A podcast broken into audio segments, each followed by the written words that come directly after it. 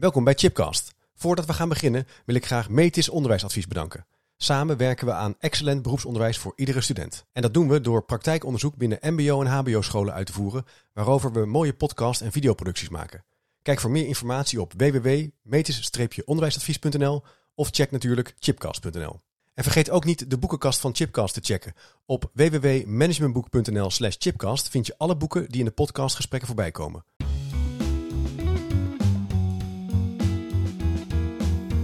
Welkom bij Chipcast, een podcastserie waarin ik op zoek ga naar verrassende antwoorden en nieuwe perspectieven op vragen die mij bezighouden. Leuk dat je luistert naar een nieuwe aflevering. In deze podcast gaan we het hebben over een prachtig boek wat recent is verschenen, Talen die de school inkomen, geschreven door Lidie Peters. Hoi Lidie. Dankjewel. Leuk dat je bent. Goedemiddag. Ja. Een Fijn boek, dat ik hier eh, mag zijn. Ja, nou, heel graag. Ehm, ik wil het boek eh, een poging doen om het kort te introduceren, want meertaligheid is uitermate actueel. Ja, je zal al, alleen al naar de toestroom van Oekraïense vluchtelingen kunnen kijken, die met kinderen hier ook eh, naartoe komen en dus ook naar school eh, willen en moeten gaan. Maar daar houdt het eigenlijk niet op. Meertaligheid komt op allerlei plekken in de school voor. En jij houdt een heel bijzonder pleidooi. In plaats van alleen maar Nederlands aan te bieden, onderbouw jij dat er meer ruimte ontstaat als leerlingen hun eigen thuistaal mogen gebruiken. Sterker nog, we moeten er een beroep op doen. Maar ja, hoe dan? Nou, daar gaat dit boek onder andere over. Nou, hoog tijd om daarover in gesprek te gaan. Het heeft mij echt aan het denken gezet. Er waren ook eh, twitteraars die zeiden, ja, hoe moet ik dat dan doen? Want ja, we geven toch gewoon Nederlands op Snap de ik. basisschool. Dus eh, ja, we gaan het daar in de podcast eh, over hebben. Maar misschien om even zo het, het, het thema te verkennen. Hoe is dit, wanneer is dit thema voor het eerst op jouw pad gekomen? Want jij bent al langere tijd in het onderwijs. Ja, ik kom uit het basisonderwijs. Ja. Ik ben gewoon begonnen als kleuterjuf. Ja, En wat bijgestudeerd, een master leesspecialisme gehaald. En later ook de opleiding IB'er, maar dan gespecialiseerd in het jonge kind. Ik heb heel lang gewerkt op een school met een populatie 60-40 noemen ze dat. Hè? 60% Nederlandse kinderen, 40% internationaal, waaronder arbeidsmigranten. Dat wordt wel eens de ideale mix genoemd. oké.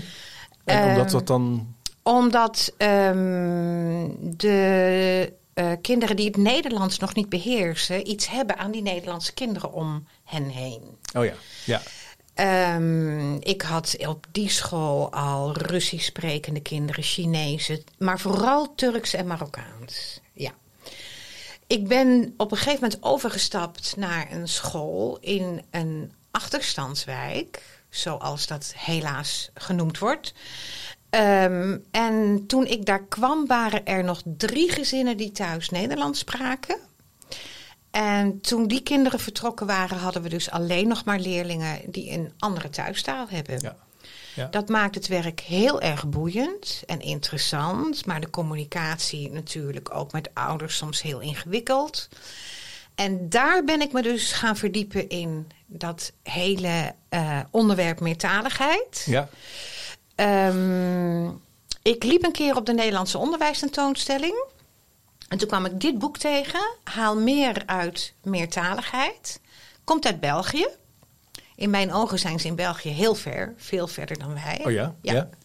België is natuurlijk van oorsprong een drietalig land. Ja. Maar hebben ook heel veel migranten inmiddels in het land. En ehm, ja, ik heb ontzettend veel informatie uit België altijd gehaald. Goh. En dit boek ben ik gaan lezen. Dat is eigenlijk een verslag van een wetenschappelijk onderzoek in het onderwijs. Ehm, en toen ik dit boek uit had, toen dacht ik, hier moeten we iets mee. Ben ik mee naar mijn schoolleider gestapt. En eh, ik heb haar uitgelegd waarom ik vond van, ja, hier moeten we iets mee. Daar kunnen wij en onze leerlingen echt iets aan hebben. Dus met haar daar veel over gesproken. En ehm, zij had mij in die tijd ook gevraagd of ik het taalbeleid voor de school wilde herschrijven. Ja. En toen heb ik een heel klein stukje opgenomen in dat taalbeleid over, de, over meertaligheid. En wat ik dus gesignaleerd had. En het enige wat we in die versie van dat taalbeleid vast hebben gelegd, was dat er een werkgroep moest komen die die ontwikkelingen zou gaan volgen. Hm. Nou, de hakken gingen meteen in het zand bij een groot deel van het team. Ehm, en dat maakte het natuurlijk ook weer heel interessant. Waarom gaan die hakken in Ja, het wat zand? gebeurt daar dan? Ja, wat gebeurt er dan? ehm, uiteindelijk is dat ook eigenlijk wel de kern van mijn boek. Het proces in de school. Ja. Ja, het gaat niet echt. Het gaat ook over de inhoud hè, van het meertaligheid, maar Tuurlijk, ook over de tuurlijk, manier van Ja. naar het proces kijken hoe je het in je school verder kunt krijgen. Kijk, voordat je. Ehm, Dus die reactie, even, die reactie die ik in het begin had van zo'n leerkracht, die, dat is, daar schrik je helemaal niet van. dat hoor je nee, heel nee. vaak. Ja, Ja, ja, ja, ja. En natuurlijk, hè, jij zei net ook al, eh, ehm, eh, leraren vragen zich dan af hoe en wat. hè? Maar eigenlijk is dat de allerlaatste stap. Oké. Ehm, je moet namelijk eerst beginnen met waarom moeten we hier iets mee? En wat levert het op? Ja. En als je dat hele proces achter de rug hebt en alle neuzen staan dezelfde kant op, dan kun je een visie ontwikkelen. Ehm, en daar dus ook eh, dat opnemen in je taalbeleid. Ja. En dan kun je het met z'n allen gaan hebben. Oké, en hoe gaan we het nu doen? Binnen welke kaders? En wat gaan we nou precies wel doen? Maar ook wat gaan we niet doen? En waarom, waarom, waarom zou een school wat moeten doen met meertaligheid dan? Wat is voor, wat jou betreft een, een, even een belangrijk argument? Eh, een belangrijk. Nou, ik heb meerdere argumenten. Ja, ja, een aantal argumenten komen dus uit wetenschappelijk onderzoek. Hè. Het Validief-project ehm, komt bijvoorbeeld tot de conclusie dat het welbevinden van kinderen groeit als ze hun thuistaal mogen inzetten. Ehm, het betekent dat ze zich veiliger voelen. Eh, en het Validief-project vertelde ook dat eh, leerlingen daardoor meer initiatief gaan tonen. Eh, er zijn onderzoekers die aangeven van doordat het welbevinden van het kind groeit, gaan de resultaten omhoog. Ehm, Torpsten, als ik het goed uitspreek, want ik verwissel vaak die letters, die zegt: ehm, wanneer je hier aandacht aan schenkt, en dat begint met de thuistalen van de leerlingen waarderen en erkennen, dat doet ook iets voor gelijke kansen, sociale gelijkwaardigheid en inclusie. Nou, dat zijn alleen al een aantal conclusies uit, eh, uit onderzoek. Maar hè? dat, dat, dat- dus dat zou ook betekenen dus dat je op een school niet zo snel zegt... nou nee, eh, Chip, we spreken hier alleen maar Nederlands. Dan zou ik, dan zou ik, ik zou dus ook mijn in groep drie of in groep twee... als ik uit Duitsland zou, mogen, eh, zou zijn gekomen... Duitse woorden mogen gebruiken om bepaalde ja. dingen te herkennen of een naam te Klopt. geven. En de leerkracht zou, dat, eh, zou daar ook ruimte voor maken. Ja. Waar- dat zou je echt ja. kan zien. Ja. Ja, ja. Waar, we mee, waar we dus mee moeten stoppen, en er zijn nog scholen die het doen hoor. Wij spreken hier alleen Nederlands. Ja. Wat heel lastig is als die kinderen die taal moeten gaan leren. Hè? Ja. Hoezo? Wij spreken hier alleen Nederlands. Ehm, als ik terugdenk aan de school waar ik er toen mee begon, hè, met collega's. Ehm, daar was ook een ontwikkeling gaande. Hè. Vijftien jaar geleden waren daar nog een heleboel Nederlandse gezinnen. Op een gegeven moment niet meer. En het kon ook niet meer van ouders gevraagd worden. Nee. Wij spreken hier Nederlands. Want die ouders spraken geen Nederlands. Dus ten eerste is het al een heel praktisch gegeven. Dat je dat in een aantal situaties niet meer kunt verlangen. Nee, het werkt ook gewoon niet. Hè? Dus zo- Nee, zo werkt pragmatisch is het ook. Ja. Maar buiten dat, en dan kom ik ook wel bij eigen ervaringen terecht. Ik heb me altijd geprobeerd in te leven in kinderen die dus opeens al dan niet gedwongen in een ander land aankomen, daar naar school moeten. Die komen, die stappen die school in, die zien alleen maar teksten die ze niet kunnen lezen. En die horen een taal waar ze niets van begrijpen. Ehm, wat ik vaak vertel, en dat ga ik ook hier vertellen, is toen ik de allereerste keer in Griekenland was, ontdek, ervaarde ik voor het eerst dat ik daar een taal tegenkwam die ik niet sprak, maar kon hem ook niet Nee. lezen. Het is gewoon de hele taal. ik vond ja. dat echt verschrikkelijk. Voel je je wel een beetje oenig, hè? Ja, maar ook buitengesloten. Ja, ja, hè? kan niet meedoen. Buitengesloten. En nou wilde het feit dat ik een reisgenoot bij me had die wel Grieks kon spreken en lezen. En die was ook wel bereid om een heleboel voor mij te vertalen. Maar dat maakte dat gevoel van buitengesloten eigenlijk nog groter. Ik moet daar altijd aan denken. Als er dus kinderen, of het nou Eritrea is, Afghanistan, Syrië, Oekraïne, doet er niet toe, de school binnenkomen. Je moet altijd aan dat gevoel denken. Eh, Ja, dus, ja dat, ik kan me dat heel goed voorstellen. Dat, dat, het voelt heel vervreemdend, Ja. ook wel eng en angstig als Ja. je dus niks kan begrijpen. Ja. Maar aan de andere kant, de, de leerkracht die daar die leerling ontmoet, die snapt die taal weer niet. Nee, dus klopt. dat is, hoe, En het interessante dat is is, natuurlijk ook weer een ingewikkelde. als we er iets mee gaan doen, hoeven de leraren ook niet al die talen van die kinderen te kunnen spreken. Oké, Ga ik straks ook vertellen natuurlijk. ja, ja, ja. Eh, hoewel het wel fijn is, ik geef, ik geef als ik eh, presentaties geef of eh, in de leergang les geef bij Academica ook Ja. altijd hele praktische voorbeelden. Hoe fijn is het voor jonge kinderen als de leraar bij de kleuters, maar ook in groep 3 bijvoorbeeld, wat troostwoorden kent in de taal van het kind. Hoeven alleen maar een paar troostwoorden te zijn. ja, ja. Hoe fijn is dat? Hoe fijn is het als zo'n kind de klas binnenkomt en in alle talen van de leerlingen staat er welkom of goedemorgen. Dan herken je je eigen taal. ja. En wat voor mij altijd leidend is geweest, daar moet ik ook dus altijd aan denken hè, wanneer ik er nu over praat. Dat zijn de gezichten van de kinderen die helemaal open gaan, stralen, grote lach, ook als ze hun taal mogen gebruiken. ja. Ja, dat is natuurlijk wel echt een punt. Ja. ja. Toen wij er net mee begonnen, kwamen er echt reacties met: Juf, mag dat echt? Mag ik iets in het Arabisch opschrijven? Ik kan mij niet voorstellen. Eh, er ging een hemel voor ze open. Oh, ja. Maar hetzelfde zie ik ook bij ouders. Ik heb als intern Ja. begeleider heel veel gesprekken met tolken moeten voeren. Ja. En dan waren dat meestal telefonische tolken. Ja. Dus je belt in.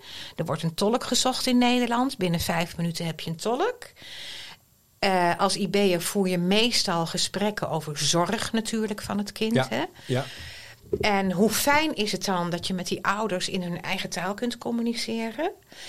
Op het moment dat die stem van die tolk uit die telefoon komt, uit de luidspreker, zag ik de gezichten van ouders veranderen. ja. Die gingen helemaal open. En wat heel erg fijn was, ik kreeg over het algemeen veel meer informatie over de thuissituatie en over het kind.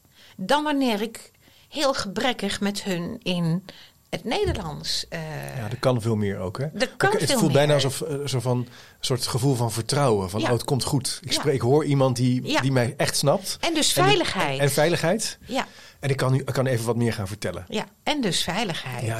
ja. Ja. Nou, de meeste leraren, en dat heb ik zelf ook gedaan vroeger hoor.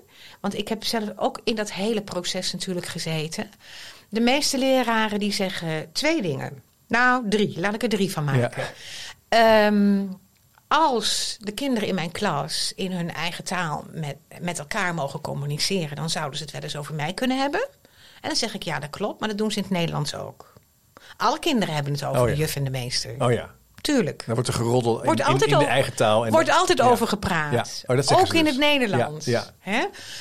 Ehm, het tweede wat leraren dan ehm, natuurlijk ook uit eh, nieuwsgierigheid eh, zeggen is... ehm, ja, maar ik spreek die talen niet. Ja? En dan kan ik ze al geruststellen, nee dat hoeft ook niet. Nee. Je hoeft die talen van die kinderen niet te spreken... om daar toch actief iets mee te kunnen doen.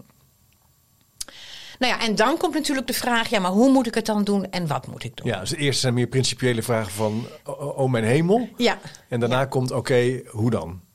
Maar jij, ma- jij maakt in het boek ook een verschil tussen het, eh, het, het gebruik maken van Engels als tweede taal en het eh, beroep doen op tweetaligheid. hè? Ja, klopt. Er zit dus een verschil, er zit een belangrijk verschil, denk ik. Ja. ja, tenzij natuurlijk de thuistaal van het kind Engels is. Ja, oké, tuurlijk. Oké, ja, ja, ja, ja. Maar over het algemeen wordt er op de basisschool, hè, vanaf groep 7 is het verplicht Engels geleerd. We Ja. hebben, ik beschrijf in mijn boek ook alle soorten Engels onderwijs die we in, het, in de basisschool hebben. En we hebben natuurlijk ook internationale scholen, Ja. hè, waarin het Engels les wordt gegeven en waar Nederlands een apart vak is. Eh, en waar ook het eh, Engelse curriculum gevolgd wordt.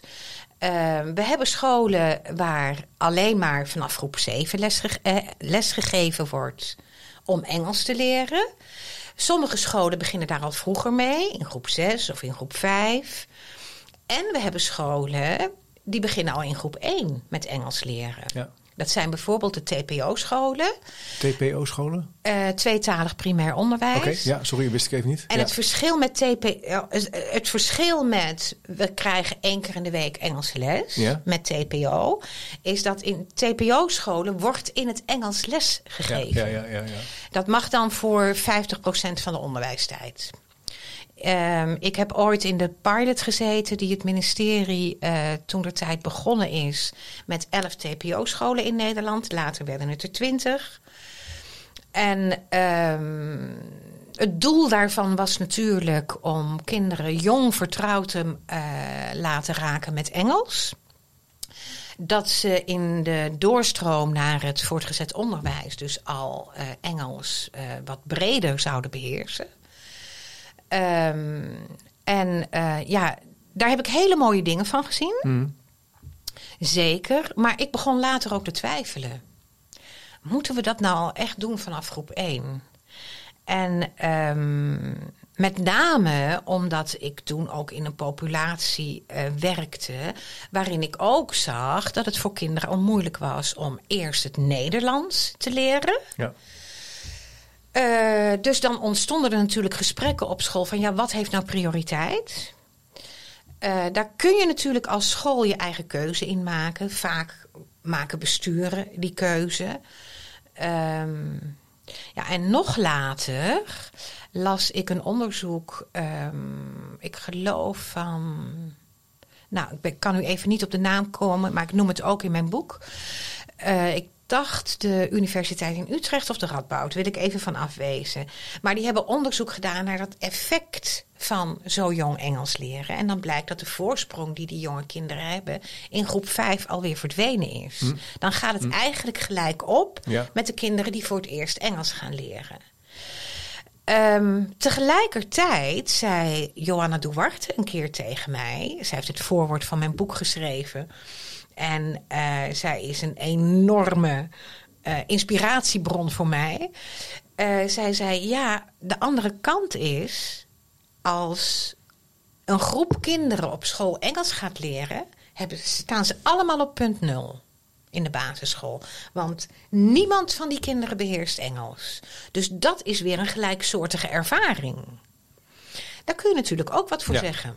Dat je met elkaar als groep Ja, een nieuwe taal ja. leert. En dat je dan dus allemaal op punt nul begint. Ja, Nou, ik Ja. vond dat eigenlijk ook wel iets om over na te denken. ja. Los van het feit wat een school beslist, hè, want daar kan een school zelf de keuze in maken wat ze met dat Engels doen. Eh, nou, misschien ook nog wel in het kader van hoe het er op dit moment voor staat met het onderwijs in Nederland. Denk ik, laten we eerst zorgen dat die basis in orde is. Hè? En dan kan Engels, wat mij betreft, eigenlijk ook wel later komen. Maar goed, los daarvan, ehm, een beroep doen op de thuistaal van kinderen is iets anders dan Engels ja leren precies. Dus dat is een belangrijk verschil Ja, ook. dat is echt een En dat gaat dus over wat jij net al zei, dat je een paar woorden kunt, kunt kennen van de taal van de, van de leerling die bij je. Hè, dat, je dat er dingen, dat er teksten staan. Troostwoorden Dat is natuurlijk heel fijn voor jonge kinderen. Maar wat al, eh, daar begint het vaak mee in het proces in de school. Hè, als eenmaal de neus op dezelfde kant, of dezelfde kant op staan. Of tijdens dat proces om de neuzen dezelfde kant op te krijgen. Kun je al tegen een team zeggen. Ga eens kijken hoe jij de talen van je leerlingen zichtbaar kunt maken in de klas of in de school. Ja. Zo hebben wij het in ieder geval toen gedaan. En toen gebeurden er echt fantastische dingen. Ik zag op een gegeven moment een leerkracht ah, van groep 3, 4 uit de kelder komen met een enorme oude wereldkaart. Ik zei, wat ga je daarmee doen? Nou, zei ze, die gaan we in de hal ophangen. En dan gaan we vlaggetjes zetten in alle landen waar onze kinderen vandaan komen. Dus dat is al iets van Ja. herkomst van taal Ja. zichtbaar maken. Ja. Hè? Eh, een andere leraar die ging gewoon inventariseren. Wat spreken mijn leerlingen nou eigenlijk thuis? En die maakte daar een mooi overzicht van. Dat werd opgehangen in de klas. Namen van de leerling, land van herkomst. Welke taal of talen spreek je thuis?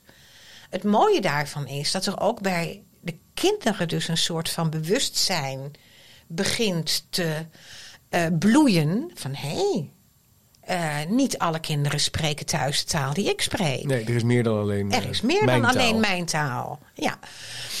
Ehm, dus het zichtbaar maken Ja. dat er een heleboel talen in die school zijn, die dus in de hoofden van die kinderen de school inkomen, maar waar we eigenlijk verder niks mee doen. Hè?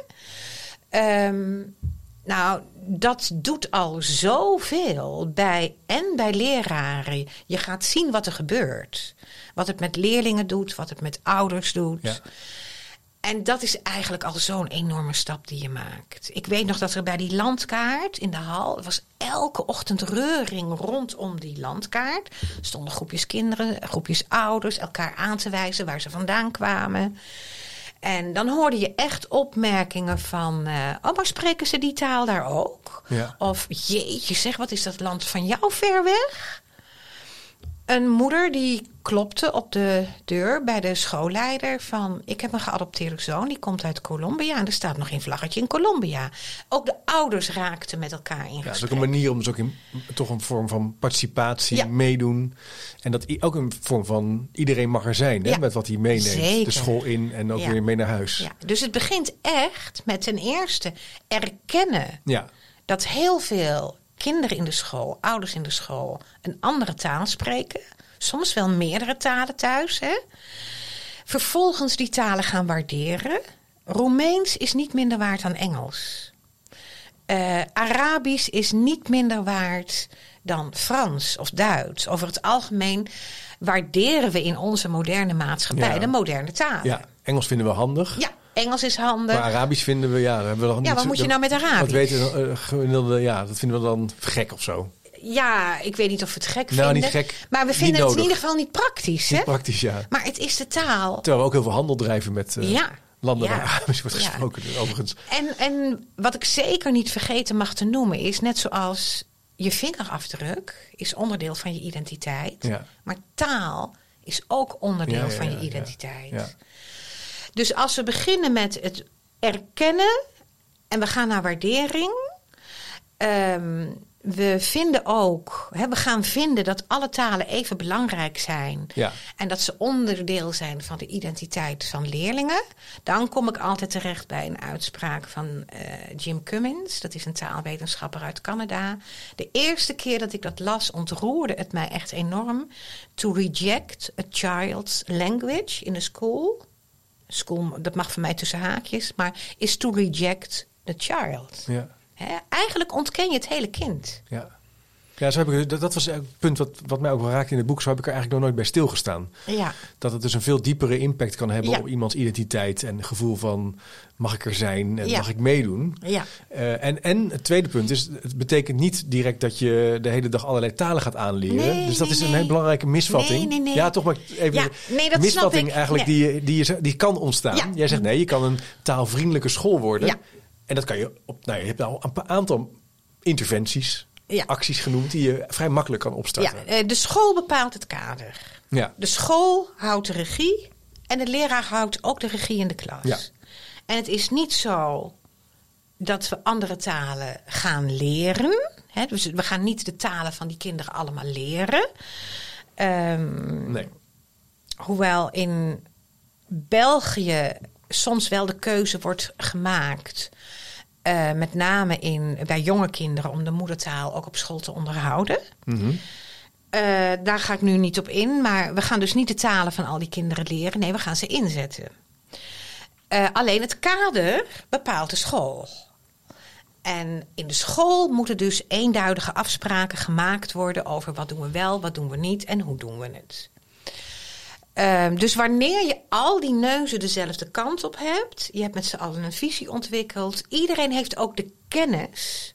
Want eerst moet er ook kennis overgebracht worden aan leraren, eh, wat het allemaal oplevert. Ja. En ehm, er moet dus ook veel gelezen worden. Eh, meestal, tenminste, ik pleit ervoor dat je, of je het nou leerteam noemt, of een vakgroep of een werkgroep, maar er moet een soort stuurgroep in de school zijn, Ja. die dat hele proces natuurlijk in gang zet en monitort en begeleidt. Ehm, daar kun je eh, eventueel ook altijd nog deskundige hulp van buiten voor invliegen. Eh, maar op een gegeven moment moet je het er met z'n allen dus over gaan hebben. Ja, dat is wel belangrijk wat je noemt. Hè. Als je hier wat mee wil, ga je dus ga, ga erover lezen, ga het organiseren. Ja. Zorg dat je er veel over weet. Ja. Eh, in plaats van dat je klakkeloos nu zegt, nou we gaan een taalvriendelijke school worden. Eerst Ja. maar eens even Ja. weten wat het betekent. Kijk, waar het mij ook om gaat, jij zei al, hè, met de laatste stroom vluchtelingen van eh, Ja. Oekraïners, is het opeens een enorm. Ja, het valt mij wel op. En ik weet niet of jou dat ook opvalt. Maar Ja, viel mij op en ik vond het enorm schuren. ja, Het deed mij eigenlijk af en toe pijn. ja. Want, In die zin, ik gun al die mensen uit. Oekraïne ja, alles wat voor ze gedaan is. Maar toen we in 2015 in die enorme golf van Syrische vluchtelingen zaten, ja, die ik meegemaakt heb in het onderwijs. ehm, en de Afghanen en de Somaliërs die gevlucht zijn en de Eritrese mensen die gevlucht zijn. Ik hoorde er niemand over. inmiddels er minder Bijna over te doen. Ja. niemand. Ja. Misschien omdat het verder weg staat. Hè? Het, het, de landen aan zich. Maar het thema bestaat al heel lang in het Ja. onderwijs. Al, al, al ja, 30, 40 jaar. Ja.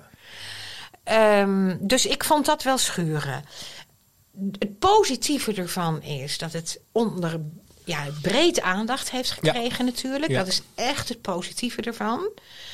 Ehm, maar dat betekent ook dat we ervoor moeten waken dat het geen tijdelijke hype is. En dat we nu vinden dat we er met z'n allen iets mee moeten. Maar dat als deze instroom stopt, dat we er weer mee ophouden. Ja. Totdat er misschien weer over vijf jaar weer een enorme Ja. instroom ergens vandaan komt.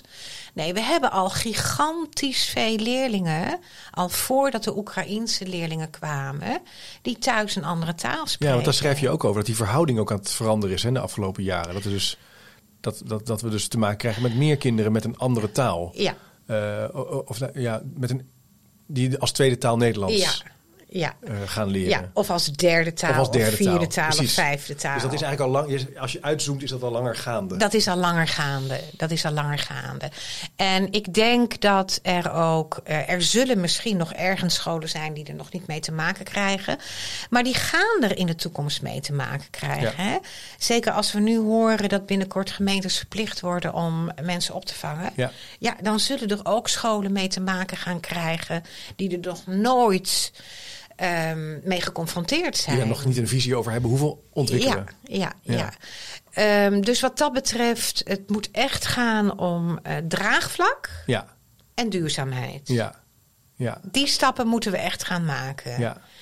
Dat het geen eh, hype is. Niet losstaat van het Ja. eh primair. En, en wa- wa- wat kan je iets zeggen over wat kinderen nodig hebben qua didactiek als ze nou eenmaal in die school komen, in die taalvriendelijke school, hoe ze dat met dat ze dus een andere taal ook beheersen en zich dus kunnen uitdrukken op allerlei manieren. Ja. Hoe, wat betekent dat voor een leerkracht? Hoe je, hoe je moet Ehm, kijken naar het aanleren van Nederlands of ja, en zelfs misschien Nou, op de eerste plaats, ja, kijk, want sommige eh, leraren zijn bang van, gaan we dan geen Nederlands meer leren? bijvoorbeeld. maar ik heb zelfs ouders, hè, buitenlandse ouders, bij me aan tafel gehad. Die, want ouders moet je erbij betrekken, die zijn heel belangrijk in dit proces. Maar ik heb ouders bij me gehad die zeiden van, ja, maar gaan jullie dan mijn kind geen Nederlands meer leren? Eh, want zeer begrijpelijk zijn die ouders enorm gefocust ook op het Nederlands. Want de toekomst van hun kinderen ligt in Nederland. Ja. Eh, ter geruststelling, nee, de opdracht van het onderwijs blijft. Die opdracht hebben we, ligt gewoon vast in de wet. Dat wij al onze leerlingen Nederlands leren. Hè? eh, mondelinge taalvaardigheid, leren lezen, Ja. leren begrijpen, leren spellen. Dat blijft onze opdracht. Maar we kunnen dat gaan combineren met geïntegreerd door de hele dag heen aandacht te besteden aan de thuistaal van leerlingen. Ja, ja, En ehm, dat kan soms op hele kleine manieren. Ook daarvoor, het hangt natuurlijk ook van je leerlingpopulatie af. Hoe het er bij jou op school uit gaat zien. Het kan zelfs per groep verschillen. Ja. Want in de ene groep kunnen veel meer leerlingen Ja. zitten met een andere thuistaal Ja. dan in de andere groep. Ehm, daarom is het zo belangrijk dat de school he- er hier gezamenlijk afspraken over maakt. Ehm, en even terug naar jouw vraag. Ja, wat het dan betekent, hè, dus voor je didactiek en, je, en eigenlijk voor je didactiek, voor je manier van lesgeven. Ja. En dan zeg je nou, Nederlands, dat, dat is gewoon wettelijk vast, dat is het kader Ja, eigenlijk, hè, dus dat zal tuurlijk. moeten gebeuren. Ja. Maar zijn er nou nog dingen die je, die je dan speciaal waar je rekening mee moet houden als je dus Nederlands les geeft? Of het vak aan, Ja, aan de- of welke les dan ook. welke les dan ook? ja, welke les dan ook? Ja, Misschien welke beter. les dan ook. Ehm, je kunt hiervoor heel goed inzetten. Nee, laat ik eerst beginnen met functioneel meertalig leren. Die term komt uit België. Die is van onder andere van Piet Avermaat. Die is directeur van het steunpunt Diversiteit en Leren. Eh, en met functioneel meertalig leren wordt bedoeld, we zetten die thuistaal van de leerling in altijd in dienst van het leerproces van de leerling. Dus dat is al een kader. Hè?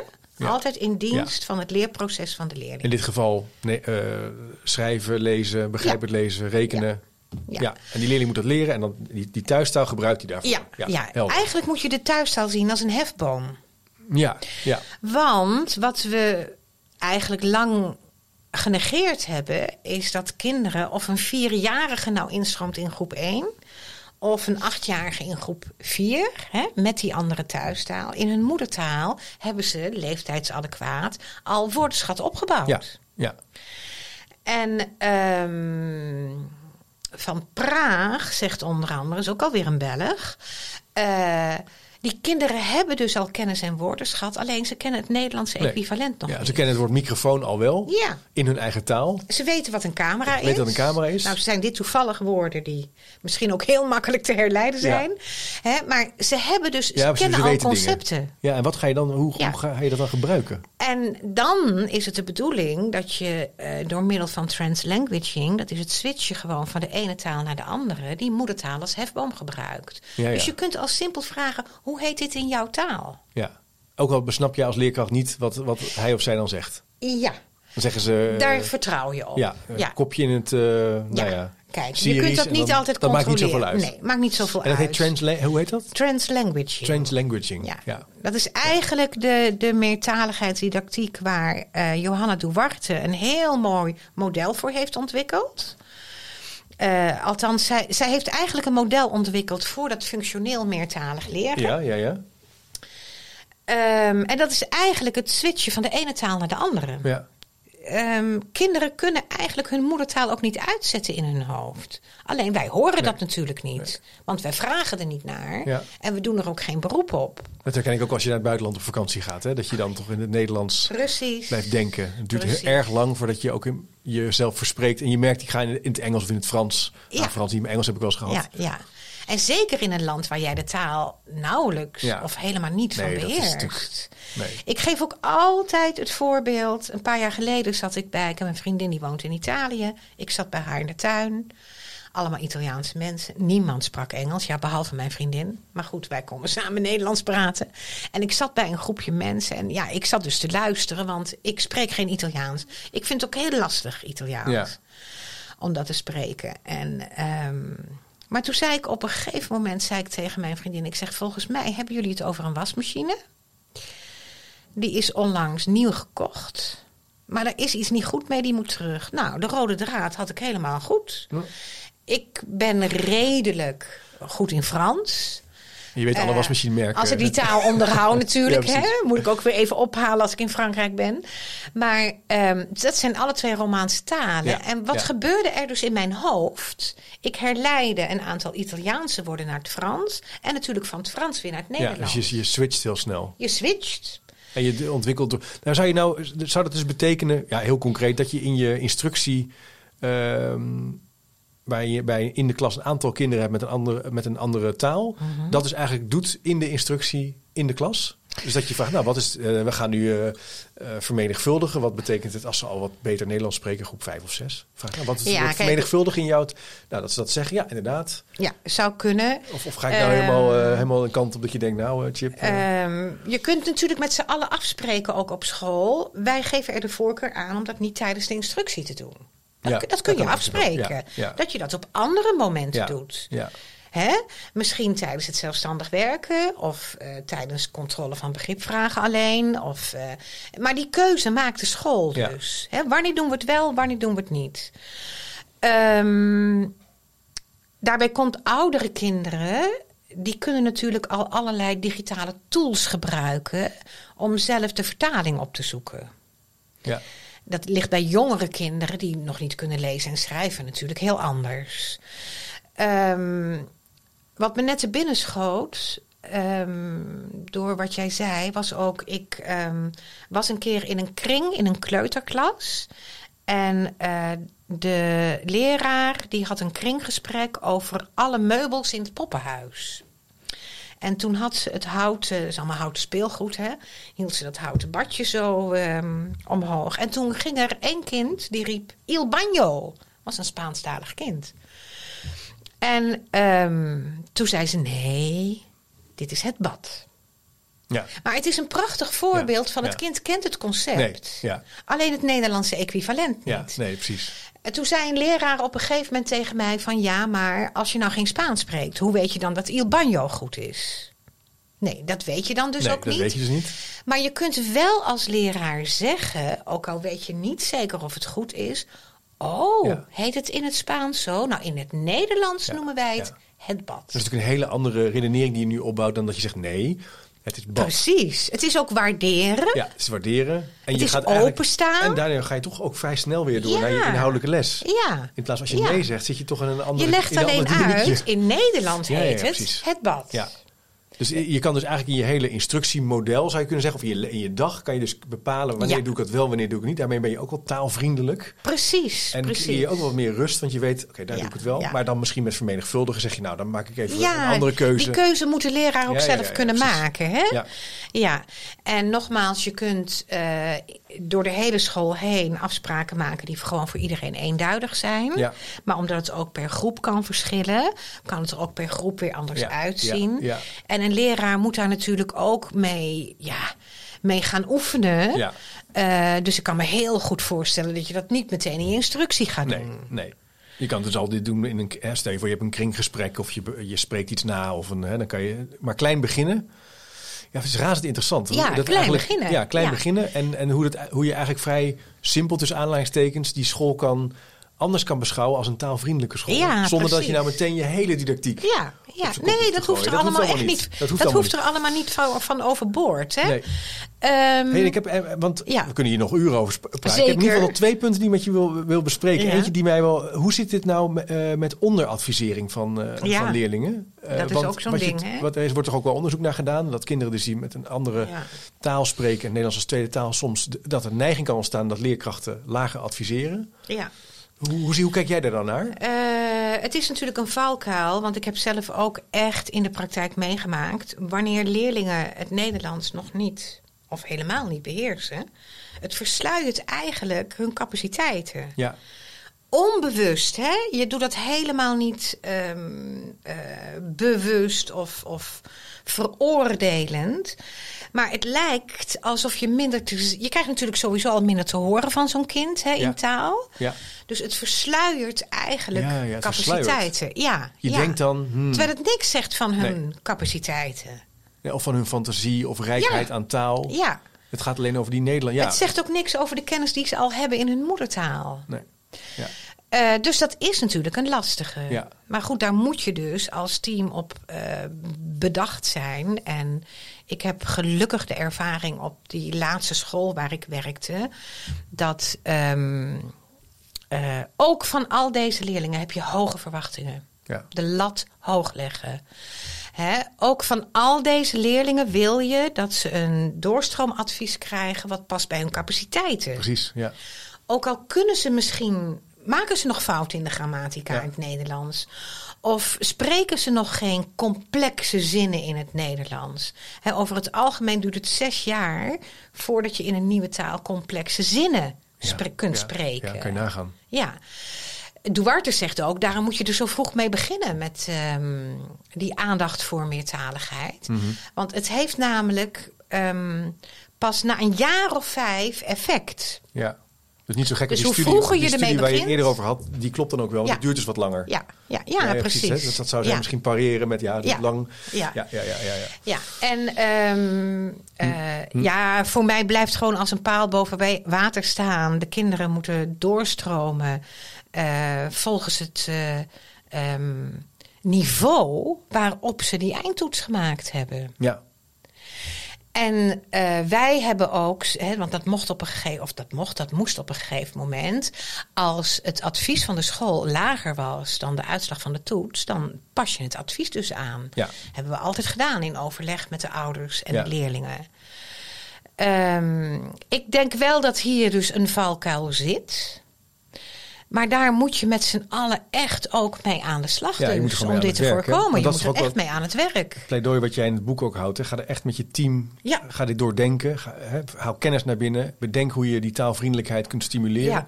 En wat ik heel leuk vind, is dus niet meteen eh, in allerlei talen les gaan geven. Nee, maar, nee, dus- nee, maar dat- is toch wel, Ja, ik denk dat dat toch wel in ieder geval voor mij wel een eye-opener En is. voor veel leraren een opluchting. Voor hè? veel leraren een opluchting. Ja, leuk. Ja, kijk, het is iets anders dan ehm, in Duitsland zijn er bijvoorbeeld scholen waarin in het Duits en in, en in het Turks les wordt gegeven. Ja, Omdat alle meertalige leerlingen die ze hebben Turks spreken. ja. Ja, dan is het misschien wel te faciliteren. Ook financieel natuurlijk. Ja. Hè? Je moet. Maar ik heb ooit een eh, groep gehad met 24 leerlingen en 12 talen. Daar kun je echt geen 12 leerkrachten voor gaan Nee, aantrekken die, Nee, je moet het ook die organiseren. die taal spreken. Nee. Ja, dat, dat gaat niet lukken natuurlijk. Leuk. Ehm, Mooi. En, en als, even misschien ehm, tot slot, als je nu luistert hè, Ja. en je denkt, ik wil hier wat mee. Wat zou je nou aanraden aan luisteraars om te gaan doen? En los dat ze, even, dat ze jouw boek moeten bestellen en gaan lezen, vind ik in ieder geval. Ja. Eh, die, die doe ik alvast even. Maar, maar wat zou je nou zeggen van, hoe kan je hier nou mee aan de slag met je team? Ga eens naar je groep kijken. Ja. Ga eerst eens inventariseren hoeveel talen hebben wij eigenlijk in de school. Ja. En dan zeg ik er ook altijd bij: dat is geen kwestie van even in het administratiesysteem naar de nationaliteit kijken. zo, eh, Hè? Want een nationaliteit zegt niks over de thuistaal. nee. Dus je moet echt met ouders en kinderen in gesprek gaan. Welke talen spreken jullie thuis? Ja. Wie spreekt wat? Want dat kan ook nog verschillen. Ja, Vader, vader, spreekt die moeder, taal. kinderen, spreekt die zussen, broers. Ja. Dus ga eerst eens inventariseren. En ga inderdaad eens kijken welke talen komen allemaal onze school binnen. Ja. Mooi. Mooie stap. Ja. En na, na stap 1 komt stap 1. Dan kijk je daarna verder wat je gaat doen. Ja. En hoe je die, die Gaan lezen, gaan onderzoeken. Eh, eh, maak er een werkgroep voor. Maak er een werkgroep. Ja. Dus organiseer het wel. Organiseer het. Ja, Lidie, superleuk om met je zo eh, over eh, eh, je boek te praten. Talen die de school inkomen. Ik vind het echt een aanrader om hierover na te denken. En ook om het zeker te lezen. Ehm dankjewel voor je tijd. Heel graag Leuk om hier eh, met je over van gedachten te wisselen. Als je nu luistert en denkt, ja, ik wil hier wat meer over weten. We plaatsen nog even de linkjes naar de boeken die onder andere Lidie voorbij liet komen. Ook in de speaker notes. En je kan je natuurlijk abonneren. Dan kan je naar chipcast.nl slash doe meegaan. En dan krijg je elke week, ja, soms om de week, een nieuwsbriefje. En die is gewoon gratis. Dat moet je gewoon doen. Eh, ik zou zeggen, tot de volgende keer.